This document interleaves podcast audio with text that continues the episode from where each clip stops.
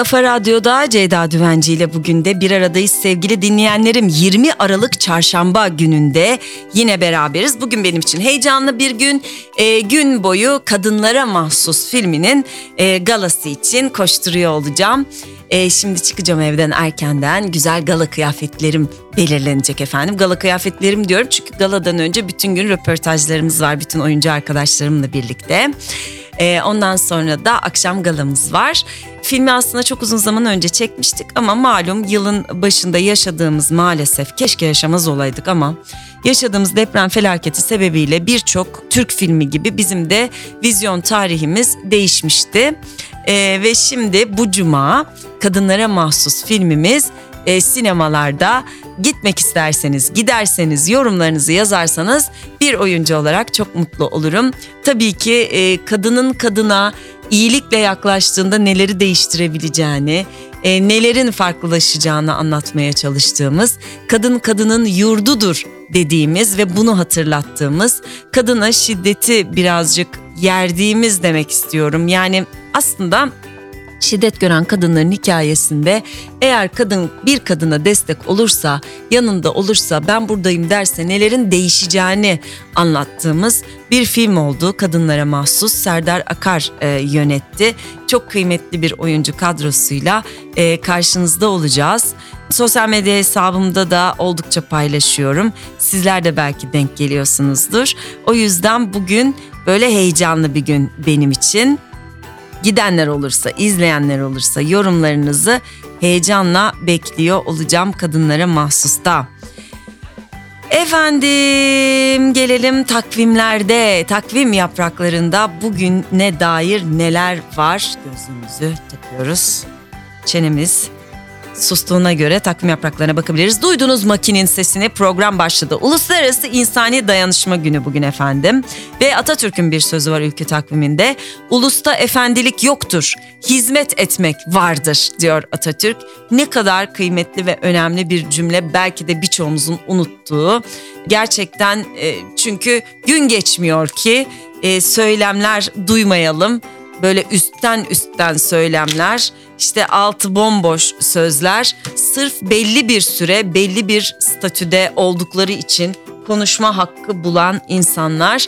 Halbuki devlet nezdinde görev aldığınızda bu bir memuriyettir, belli bir süre dahilindedir ve aslında yapmanız gereken şey halkınıza hizmet etmektir. Yani bulunduğunuz ülke vatandaşı olduğunuz için o ülkeye vatandaşlık borcunuzu ödüyorsunuzdur. Yüksek mertebede bir memuriyetteyseniz e, titri ne olursa olsun yaptığınız şey ülkenizi, ülkedeki yaşayan insanları daha ferah, daha gelişmiş, daha iyi bir duruma getirmek için vatandaş olarak hizmet etmektir. Daha ötesi değildir aslında.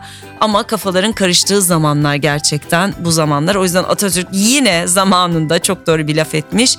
Ulusta efendilik yoktur, hizmet etmek vardır diyor.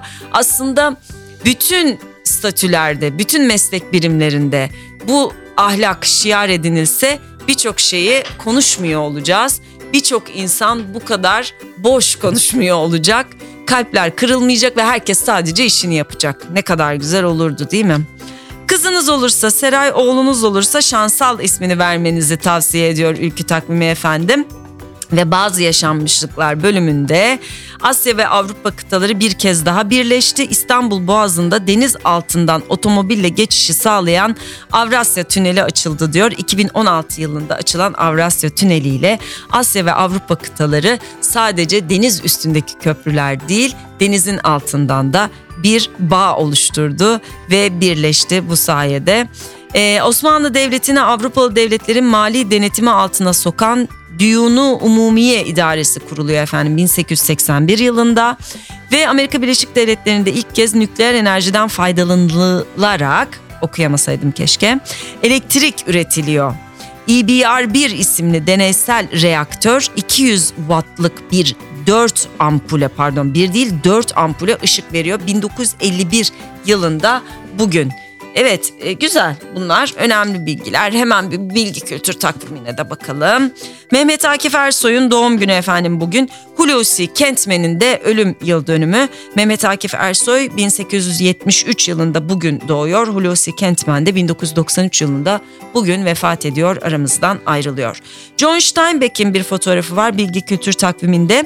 1968 yılında bugün hayatını kaybetmiş Amerikalı ünlü yazar Gazap Üzümlerinin yazarı e, bilenler bilirler efendim. 1939 yılında Pulitzer ödülü alıyor Gazap Üzümleri kitabıyla. Bunun dışında tabii ki benim en sevdiğim kitaplardan biri Fareler ve İnsanlar, İnci ve Cennetin Doğusu romanlarıyla da ünlenmiş. 1962 yılında da Nobel edebiyat ödülünü kazanmış. Yani aslında edebiyata dair verilecek bütün iyi ödülleri kazanmış. E, edebiyat tarihine de ismini tabiri caizse altın harflerle yazdırmış bir isim John Steinbeck. Onu da anmış olalım.